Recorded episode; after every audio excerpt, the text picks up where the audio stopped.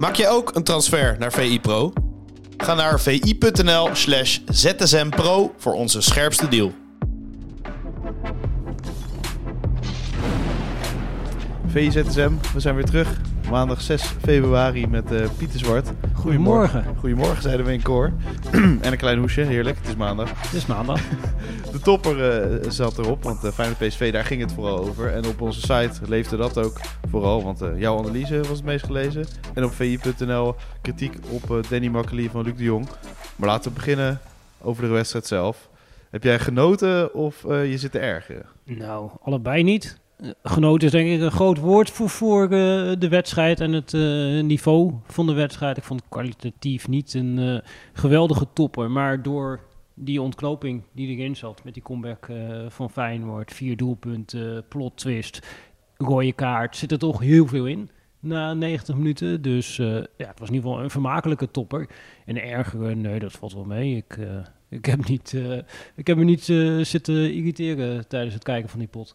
Nee, uh, ik zat nog wel naar de statistieken te kijken. En dat verbaasde me dan wel dat Feyenoord 35 geschoten heeft, PSV 7 en uh, de expected goals in, in, ja, voordeel van Feyenoord waren. Klopt, dan moet je die statistieken ook altijd een beetje interpreteren. Dus in dit geval uh, er zit vaak ook zo'n plotje bij. Zat die rode kaart ook in? Ja, waarbij je kan kijken naar wanneer kwamen nou eigenlijk die kansen en mogelijkheden voor Feyenoord. En dan zie je dat het, ja, het was eigenlijk volledig egaal, die plot. Dus uh, eigenlijk geen kansen voor beide ploegen. En dan heb je op een gegeven moment het eerste bulkje bij Feyenoord. Er zijn die twee kansen achter elkaar met uh, Jiménez, kopbal en daarna die rebound uh, voor Timber. Die, die dan komt die rode kaart. En ja, dan heb je behalve dat moment ja, eigenlijk geen grote kansen gehad. En daarna komen tegen tien man heel veel doelpogingen voor Feyenoord. Wordt het uiteindelijk optelt richting een uh, groot totaal. Maar het is natuurlijk te makkelijk om terug te rekenen van... oh ja, 90 minuten zijn dit de statistieken, dus dan hadden we moeten winnen. Omdat ze ja. voorsprong en met 10 man spelen. Ja, doet ook wat met de manier waarop uh, PSV speelt... waardoor je automatisch meer in uh, goede schotlocaties komt als Feyenoord. Dat, ja, dat ook wel gekund voor Feyenoord. Dat, ja, dat, dat, dat, wel, maar ja, te weinig tijd. Ik vond het wel mooi dat Geertruida en Kuxu uh, jouw handbaks probeerden terug te trekken naar de middenlijn. Van we gaan niet die 2-2 vieren, maar de 3-2 nog maken. Is dat de slag die Feyenoord eigenlijk ook nog wel moet maken in die toppers? Dat denk ik wel, want je hebt er nu een aantal gehad. En je zou, uh, als je Feyenoord, uh, als je er heel erg vriendelijk voor bent, dan reken je ook nog uh, Utrecht uit mee als lastig affiche. En iedere keer heb je eigenlijk een beetje hetzelfde verhaal. Dus Feyenoord nou, wat qua veldspel heel goed mee kan. En misschien zelfs wel de bovenliggende ploeg is. Maar wat heel veel moeite heeft om dat veldspel om te zetten richting goede kansen en mogelijkheden. En daardoor heel erg afhankelijk is ja, van allerlei momenten om dan toch die wedstrijd uh, eruit te slepen. En daardoor eindig je iedere keer in een gelijkspel. En dat is nu niet één keer gebeurd, dat is nu een paar keer gebeurd. Uh, en eigenlijk in heel veel van die wedstrijden ja, heeft lange tijd ook de tegenstander eigenlijk de betere mogelijkheden. Terwijl Feyenoord qua veldspel misschien wel de bovenliggende ploeg is. Dus ja, dat zegt denk ik wel iets over dit elftal. Dat ze het heel erg moeilijk hebben om aan de hand van de kwaliteit die er voorin met name is, wedstrijden naar zich toe te trekken. En het blijft ook gewoon daar stuivertje wisselen voorin met uh, vijf buitenspelers voor uh, twee posities. Tussen Jiménez en Danilo. Ja, dat, dat zit ook heel dicht bij elkaar. Nou, nu was Simanski er ook nog eens niet bij. Dan merk je dat je dat wel mist aan creativiteit ook op het middenveld. En dan zie je dus een ploeg die wel heel veel de bal heeft, maar heel veel moeite heeft om dat balbezit om te zetten richting serieuze kansen en mogelijkheden. Ja, want dat ging in je analyse daar uh, ook uh, uitgebreid over. Eigenlijk mist Feyenoord dan Xavi Simons. Dan zou het bijna compleet zijn. D dat is denk ik inderdaad de kern, want bij PSV zie je heel veel dingen die er niet zijn. Dus, uh, Wat Feyenoord wel heeft, heeft PSV weer niet. Precies, ja, ja bij PSV zie je dat het hele seizoen nog niet zeg maar een, een, een eenheid van denken, bijvoorbeeld in het uh, druk zetten. Die gaan vaak wat verder uh, terug. Je ziet dat daar opbouwpatronen, dat die uh, ontbreken. Nou, in dit geval uh, ontwijken ze dat maar door in de meeste gevallen die uh, Walter Benitez, een lange bal uh, naar voren. De twee spelers die hij het meest bereikt heeft te doen voor PSV, dat zijn Fabio Silva en Lucas de Jong. Nou, dat zegt denk ik heel veel over ja. de speelstijl ook die PSV gehanteerd heeft. Dus dat is gewoon ja, lange ballen hoog naar voren. En dan maar hopen dat uh, Xavi Simons een afvallende bal een keer oppakt. En, en dat doet hij wel heel goed. En die moet dan iets verzinnen. En ja. als je dan ja, kijkt naar eigenlijk alle statistieken van Xavi Simons, maar eigenlijk ook de manier waarop hij gespeeld heeft. Dan steekt hij met kop en schouders boven het elftal uit. Dan zie je ook nog, ja, ga je naar de leeftijden kijken, hij is met afstand de jongste basisspeler op het veld. Maar hoe volwassen hij zijn rol invult. Want hij was bijvoorbeeld ook degene die de meeste ballen heeft veroverd uh, bij uh, PSV. Dus niet Sangaré, dat was ook uh, Xavi Simons dat zegt iets over zijn kwaliteiten, maar ook dat hij in een wedstrijd waar eigenlijk iedereen alles inleverde, dat je zag dat hij heel veel rust en overzicht had en bijna alle ballen komen bij een ploeggenoot aan. En het is ook nog vaak vooruit. En hij is heel bepalend natuurlijk bij die uh, twee doelpunten. Dat ene moment is gewoon ja, een, een corner voor Feyenoord, die valt eruit. Hij is net wat slimmer dan zijn tegenstander, dat gewoon Marcos Lopez, om die bal op te pikken. Die steekt het hele veld over. Weet precies dat hij moet wachten tot Marcos Pedersen als laatste man gaat instappen. dan terug naar Luc de Jong, die opent richting uh, de andere kant. Een hele goede paas trouwens op Hazard hè, van de Jong. Ik dacht, uh, die komt te hard, maar uh, ja, dat was een hele goede bal. in zijn voeten. Dat was een hele goede bal. En dat, dat, dat is denk ik precies, zeg maar... Ja, en ook hoe Hazard die dat, dat dan afmaakt. Ja. Dat, dat is allemaal weer die kwaliteit die je bij PSV wel voorin ziet... om zijn wedstrijd te goal, killen. Goal 1 natuurlijk ook. Dat is eigenlijk ook wel puur kwaliteit wat je ziet. Klopt. Hoe die hem inschiet. Klopt. En ja, dit is natuurlijk ook weer geen incident dat PSV eigenlijk best wel goed weer voor de dag kwam in deze wedstrijd. En als je naar de wedstrijden gaat kijken dit seizoen waar PSV indruk heeft gemaakt. Dus dan praat je over Ajax thuis, dan praat je over die eerdere wedstrijd tegen Feyenoord, uh, die ze dan met uh, 4-3 winnen. Die wedstrijd tegen Arsenal, die ze winnen in de Europa League. En dat zijn allemaal de wedstrijden waarin PSV hun minste balbezit heeft gehad. Uh, daarin hebben ze het meeste indruk gemaakt. Dus ja, dit PSV is niet in staat om een spel te maken. Want van de nummer 16, 17 en 18 van de Eredivisie hebben ze allemaal verloren. Maar ja, in dit soort topwedstrijden, als ze met z'n allen in de 16 staan, ballen wegkoppen uh, en dan ja, wachten op die momenten van die aanvallers. Ja, daar is deze ploeg heel geschikt voor. Uh, en wat dat betreft ja, leer je bij PSV ook niet zo heel veel voor deze wedstrijd. Omdat ze gaan nu richting een schema. Dan gaan ze weer tegen Emmen spelen in de beker. dan gek genoeg uh, moet je dan denken, oh, dan moeten we al nog maar zien of dat wel uh, lukt. Ja. Want juist uh, ja, inbalbezit is het heel erg boven. Maar zij hebben die extra kwaliteit die Feyenoord niet heeft. Ja, en nog even terug naar Xavi Simons dan. Want ja, hij viel inderdaad volwassen op hoe volwassen die speelde. Qua spel en alles. Maar hij, ook bij de opstootjes hè, is hij heel positief betrokken. Hij was heel de-escalerend aan het werk. Een soort, uh, ja, hoe zeg je dat? Een, uh, een geen politieagent, maar uh, een toezichthouder of in ieder geval iemand die iedereen wegtrok en dan ja. gewoon jongens we gaan lekker voetballen. Ja. Alles straalt gewoon uit van ik wil voetballen klaar. Klopt. That's it. Ja, en heel symbolisch eigenlijk voor zijn hele optreden. Dat ja. Ja waar, waar iedereen naar het kookpunt aan het stijgen was, bleef hij uh, volledig uh, cool en uh, nuchter. En dat is was ook precies op het veld wat er gebeurde. Je ziet het ook als PSV doorkomt op de rechterkant en hij staat vrij. Weet je wat, dan gaan die twee handen omhoog en is het weg. Want je speel bij die bal. Ja. want ik ga er wel wat goeds mee doen. En dat, dat was heel indrukwekkend hoe hij zich hier manifesteert. En de bondscoach zal ongetwijfeld ook gekeken hebben. En ja. ik denk dat hij zich daar ook wel echt ja, met deze wedstrijd zie je op die manier manifesteren. Dat je jezelf wel echt in de kijker speelt uh, voor Oranje ook. Ja, is hij nog te houden bij PSV na dit seizoen? Nou ja, dat hangt natuurlijk allemaal af van die clausule met uh, ja. Paris Saint-Germain. Dat kwam natuurlijk uh, afgelopen week ook weer in nieuws. Dat, uh, want het is een clausule die zit in het contract van Simons en niet per se in de deal opgenomen. Dus dat ze het contract van Simons wilden verlengen zonder die clausule. Dat snap ik, dat je dat als PSV wil, of Simons dat ook wil. Dat is natuurlijk ja. de vraag. Er kan ook een andere club komen, toch? Die 20 miljoen biedt of, of meer. Klopt. Want dat zou best kunnen na zo'n seizoen. Dat klopt, ja. Heel Europa zal denk ik kijken naar ja. hoe Xavi Simons hier uh, presteert. En dat is gewoon uh, ja, heel erg indrukwekkend. En hij heeft uh, de rol van Gakpo voorin als alles bepalende creatieveling. Die heeft hij moeiteloos heeft die, overgenomen. En ja, dat, dat is wel heel knap voor iemand van die leeftijd. Dat je zo stabiel en constant presteert. Ook in de topwedstrijden. Dat laat wel zien, denk ik, dat dit een speler is met een gigantische potentie. We blijven even bij Feyenoord PSV, want dat is het meest gelezen ook op VI.nl was uh, De Jong, Luc de Jong, die na afloop, uh, we hadden het er net van tevoren eventjes over, op het volledige kookpunt na negen minuten blessuretijd de gelijkmaker net tegengekregen, moest gaan vertellen, ja Luc, zeg het maar. En dan bouw je gewoon van dat er negen minuten bij komt en dat Klopt. het dan misgaat, hè? Ja, je zit er gewoon in de emotie van die wedstrijd. Ja, in die kolk door je aderen. En dan uh, ga je vanuit je primitieve reactie uh, reageren, wat natuurlijk een hele goede tv is.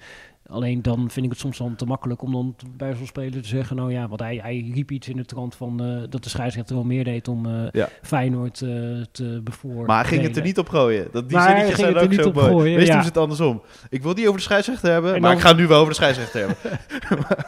dat klopt, dat klopt. Dus ja, het is volledig begrijpelijk als je op die manier zegen uit handen geeft. Dat je dan, en hij zat natuurlijk ook nog op de bank, dus, dus dan zit je helemaal machteloos zit je op dat moment toe te kijken. Dus ja, dan zit je in de frustratie ook omdat hij zit natuurlijk niet in de goede fase. Hij heeft al de hele tijd uh, niet gescoord. Dan geef je die assist.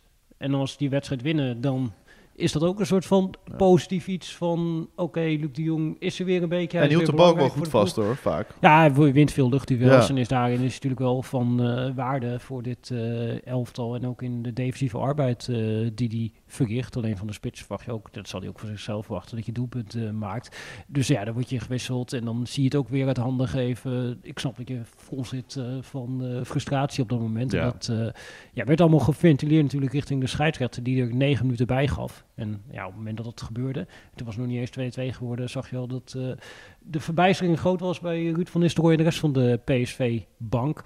Dus dan weet je, als dan die 2-2 valt, uh, dan gaat het onderwerp voor gesprek worden. Tijd voor zuivere speeltijd, hè, krijg je dan. Misschien weer uh, in Rondo straks, bijvoorbeeld, als uh, Marco van Basten er zit. Ja, met Marco van Basten en Edwin van der Sar. Die zitten ja, geloof ik vanavond. Maar ja, zuivere speeltijd, dat is een heel slecht idee in het voetbal. En dat heeft gewoon alles te maken met als je nu gaat kijken naar een voetbalwedstrijd, dan ja, is vaak de zuivere speeltijd relatief laag. Dus dat zit tussen de 55 en de 60 uh, minuten vaak uh, de. Het verschilt ook een beetje per competitie. En zeker in de tweede helft is die zuivere speeltijd vaak laag. Want dan heb je wissels, et cetera, et cetera. Alleen maar voetbal omgaat uh, en waarom het ook irritant is als het tempo uit de wedstrijd wordt gehaald, ja, is dat het snel achter elkaar doorgaat en dat je daardoor heel veel dynamiek in een wedstrijd uh, momentum. kijkt. Ja, momentum in een wedstrijd uh, kijkt. En als je dan dat afzet zeg maar, tegen sporten die zo'n ja, start-stop klok hebben. Ja, daar zie je dat vaak de, tussen de daadwerkelijke speeltijd en de tijd dat het duurt om een wedstrijd te volgen, dat ongeveer 20% is. En bij voetbal is het in ieder geval nog 50 à 60% dat die bal in het spel is. En ja, wat je natuurlijk gaat krijgen op het moment dat je die zuivere speeltijd in gaat voeren, ja, dan gaan teams natuurlijk helemaal alle tijd nemen om continu momentum uit de wedstrijd te halen. En dan krijg je niet wat je nu in de slotfase bij Feyenoord had. Ja, dat op een gegeven moment die 2-1 valt, dat Feyenoord probeert overal razendsnel met die ballen, jongens, die bal in het spel weer te dat brengen. Ging snel. Dat, dat ging heel snel. Uh, en dan gaat het publiek erachter staan ja, en dan, dan, ontstaat er iets in een uh, wedstrijd. En ik denk dat veel mensen die pleiten voor zuivere speeltijd, ja, over het hoofd zien uh, dat, dat je dat, ja, die impact hebt. Plus je moet ook een geen probleem creëren dat er niet is. Dus voetbal uh, is populairder dan ooit, wereldwijd. En dat komt mede door de regels die er zijn. En als je dan ja, een probleem wat eigenlijk geen probleem is, want als je ook gaat kijken naar ja, zuiver gespeeld, in hoeverre is dat nou afgenomen? Nou, dat gaat echt over anderhalve minuut in een tijdsbestek van uh, 10, 15 jaar, zeg maar, dat de zuiver gespeeld het, het is niet een gigantisch probleem. Ja, en als je het gewoon bij de extra tijd gooit? Is het probleem opgelost. Nou ja, precies. Dus je hebt ook nog binnen de mogelijkheden die de scheidsrechter heeft, maar dat zou inderdaad extra tijd kunnen zijn. Maar dat kan ook zijn op het moment dat iemand gaat tijdrekken, dat je meteen een gele kaart uh, gaat uh, geven. Dus de scheidsrechter heeft allerlei mogelijkheden al binnen de huidige regels om hier wat aan te doen. Oh, heeft, als een keeper geel heeft, gaat nooit iemand de tweede gele kaart geven. Nou, dan zijn dat misschien ook een keer ja. moeten doen als een keeper inderdaad. En ja. dan als je als voetballers weet van, nou, zodra ik hier onnodig veel tijd gaan nemen. Maar ook bijvoorbeeld, wat je geregeld ziet, ook gewoon regels die er zijn, is dat een keeper op het moment dat hij de bal in zijn handen heeft, dat hij gewoon 20, 25 seconden dat doet. Terwijl je hebt 6 seconden is de regel. Ja, je kunt ja. ook gewoon in eerst gewoon de regels nageleefd. die er zijn al een beetje gaan naleven. En ja, dan, dan krijg je natuurlijk ook hè, iemand die loopt lang met de bal in zijn handen. Je krijgt een indirect vrije trap in de 16. Ja, dan krijg je een soort van ja. spektakel. En nu wordt eigenlijk alles wordt gedoogd. En terwijl de regels er wel zijn, dan zeggen mensen, ja, er moet een nieuwe regel toegevoegd worden. Nee, je moet geen nieuwe regel toevoegen. Je moet eerst eens even kijken van welke regels hebben we en kunnen we die daadwerkelijk ja. gaan handhaven, zonder dat je een sport die hartstikke populair is, in de essentie gaat raken. Want dan krijg je gewoon echt wat je, en nou ja, we weten de Chris Woertsen van deze wereld. Ja, wat, wat gaan die doen op het moment dat je zuivere speeltijd krijgt? Ja, dan, die, die ziet natuurlijk ook allerlei mogelijkheden van, oh, dan ligt het spel stil. Nou, dan sturen we even wat... Uh, ja, sponsorbord voordat je een corner gaat nemen. Ja, sponsorbord voordat je een corner gaat nemen. Allerlei, uh, misschien krijg je dan een reclamebreak midden in de wedstrijd. Ja, dan gaat natuurlijk allemaal dat soort gekkigheid. Amerika. Ga je krijgen. En dan wordt het echt inderdaad een Amerikaanse sport. Ik denk juist dat de kracht van voetbal is dat het op dit moment niet op die manier is. En je hebt natuurlijk tijdens de WK ook gezien dat je kunt ook meer extra tijd toekennen op het moment dat jij daadwerkelijk je zuivere speeltijd wil verhogen. Dus je hebt tal van mogelijkheden al, los van zuivere speeltijd, waarmee je echt de kern van het voetbalspel zou raken. Je ziet ook dat bijvoorbeeld het op die verschillende niveaus dat het enorm verschilt, die zuivere speeltijd. Dus bijvoorbeeld op een lager niveau is er vaak minder zuivere speeltijd. Terwijl als jij bijvoorbeeld de wedstrijd de League toekijkt, ja, dat je niet het gevoel hebt dat het spel heel veel stil ligt. Maar omdat dat heel veel lange halen snel thuis is. die bal gewoon binnen het veld, maar uh, ja, ergens is, in de lucht. Ja, maar dan is in de lucht. Maar dan krijg je natuurlijk ook automatisch veel vrijtrappen, veel inworpen, waar iedereen mee naar voren gaat. Uh, mm. En dat kost ook tijd. Maar dat is wel entertaining, ook uh, in een manier. Dus ja, ik, ik, denk niet dat je daar aan gaat beginnen. En ik denk dat iedereen die pleit voor zuivere speeltijd, die heeft er nooit langer dan 30 seconden over nagedacht. Want dan begrijpen dat het gewoon een heel slecht idee is. Puntje voor Zeist. Uh, jij hebt uh, op een symposium gesproken bij de KVB. Ja. Dus misschien uh, begin van het seizoen eventjes jou dit laten uitleggen. Ja, over zuivere speeltijd. Het gaat nu inderdaad over trends op het WK. Met Ruud van Nistelrooy en Arne Slot in de zaal. Ik zag er Slot er nog over begonnen op zijn persco. Dat, er werd inderdaad doorgevraagd aan Ruud van Nistelrooy tijdens mijn presentatie over... Goh, waarom bouwen jullie op met drie man? En Ruud van Nistelrooy die werd er toch wel nerveus van, want die zat letterlijk achter hem, uh, Arne Slot. ja, maar die, die, die, kijkt al... zonder een wedstrijd, uh, dus die zei op een gegeven moment, ik ga er gewoon niks meer over zeggen. Hij kijkt al alsof hij het beter weet, hè? Slot. En toen kreeg uh, Slot een vragen, die ging tot achter de komma, ging die uitleggen ja, hoe, hoe, Feyenoord het aanpakte. Dus die was er wat minder bevreesd op dat ja. zijn tactische plan op tafel kwam te liggen. Maar dat, dat gaf wel op dat moment een geinige dynamiek uh, aan die hele presentatie. Dat uh, ja, die bij elkaar zaten en dan met elkaar over voetbal gingen praten. Tegelijkertijd wisten, en we spelen straks tegen elkaar, dus we moeten ook maar niet te veel weggeven. Ajax trouwens, want uh, we hebben het eigenlijk alleen nog maar over Feyenoord PSV gehad. Uh, geen probleem natuurlijk, want we gaan nog rondje Eredivisie, rondje buitenland. Het komt allemaal nog... Uh... Komt allemaal nog uitgebreid aan bod. Nou ja, Ajax heeft gezien dat Twente puntverlies leed, AZ, Feyenoord en PSV. En winnen zelf 5-0 bij Cambuur. Grote winnaar van het weekend. Ja, ben je team Heitinga toptrainer of ze hebben van Excelsior en Cambuur gewonnen. Er is nog niet zo ja, heel veel aan de hand voor de andere ploegen. Nou, dat komt Ajax eraan.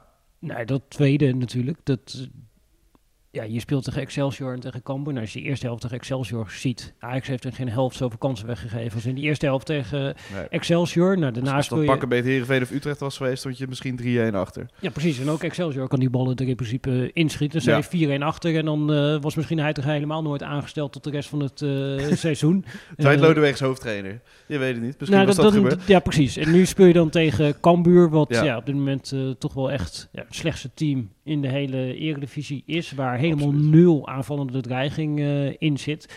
Ja, eh, die geef je alle tijd om op te bouwen onder uh, druk. En nou, wat je, waar je denk ik hij credits voor moet geven, is dat die puzzel voorin, waar toch Schreuder het hele seizoen moeite mee heeft gehad, dat hij die aardig gelegd lijkt te hebben met Bergwijn op links, Tadis in de spits en ja, twee keer dezelfde elf op rechts.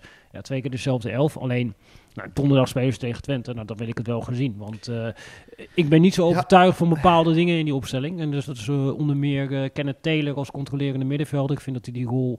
Dat die, die niet zo, verdedigend nog. Ja, dat die vaak weinig aanvoelt waar hij moet gaan staan. En dan Berghuis en Klaassen zijn ook altijd weg. En dan, je speelt eigenlijk met een rechtspoot op links en met een linkspoot op rechts. Die allebei ook het broertje dood hebben aan het veld breed houden. Wat ook nog de consequentie heeft dat in principe je beide backs moeten gaan opkomen. En dat is natuurlijk wat je gezien hebt in de eerste helft tegen Excelsior. Dat je dan extreem kwetsbaar kan zijn. En nu tegen Twente worden ze ook voor het eerst... We hebben twee teams gezien, die met 5-4-1 hebben ze een enorme bus geparkeerd. En nu gaan ze voor het eerst onder druk gezet worden. Nou, dat hebben we natuurlijk ook gezien dat dat een probleem was bij Ajax dit seizoen. Dus na die wedstrijd tegen Twente, dan kun je misschien wat conclusies gaan trekken over uh, Heitinga. Nu is de enige conclusie die je kan trekken... Het is heerlijk om uh, je eerste wedstrijd echt als interim trainer te beginnen tegen Cambuur. En ja, dat zegt nou niks over uh, hoe goed Ajax daadwerkelijk uh, is. Omdat je de problemen die er waren onder Schreuder... daarvan weet je eigenlijk nog niet of die er nog steeds zijn uh, nee. onder hij te gaan. Dus dat, dat is een mooie test in de beker. Dat is ook een serieuze test, ja. Arco zat op deze stoel en Freek op die stoel bij de Pak Schaal podcast. En ze zeiden inderdaad, Cambuur gaan ze gewoon ruim winnen. Freek heeft vaak gelijk, gelijk met voorspellingen, valt me op. Maar Twente gaan ze eraf. Wat, wat verwacht jij van deze bekerronde? Ja, wordt heel, ja dat, dat gaat heel dicht bij elkaar uh, liggen. Alles is toen gelijk spel, dus laten we dan gewoon zeggen... er wordt ook een gelijkspel Verlengen. de verlenging. Dat, ja, dat... dat, dat zal wel een uh, episch bekeravondje er worden. Moet wel denken aan Marcel Keizer. Ja, en dan een penalty die er huishoog over gaat. Ja. Ik, ja, ik ben benieuwd. Ik, ik kijk er wel echt naar uit naar die wedstrijd.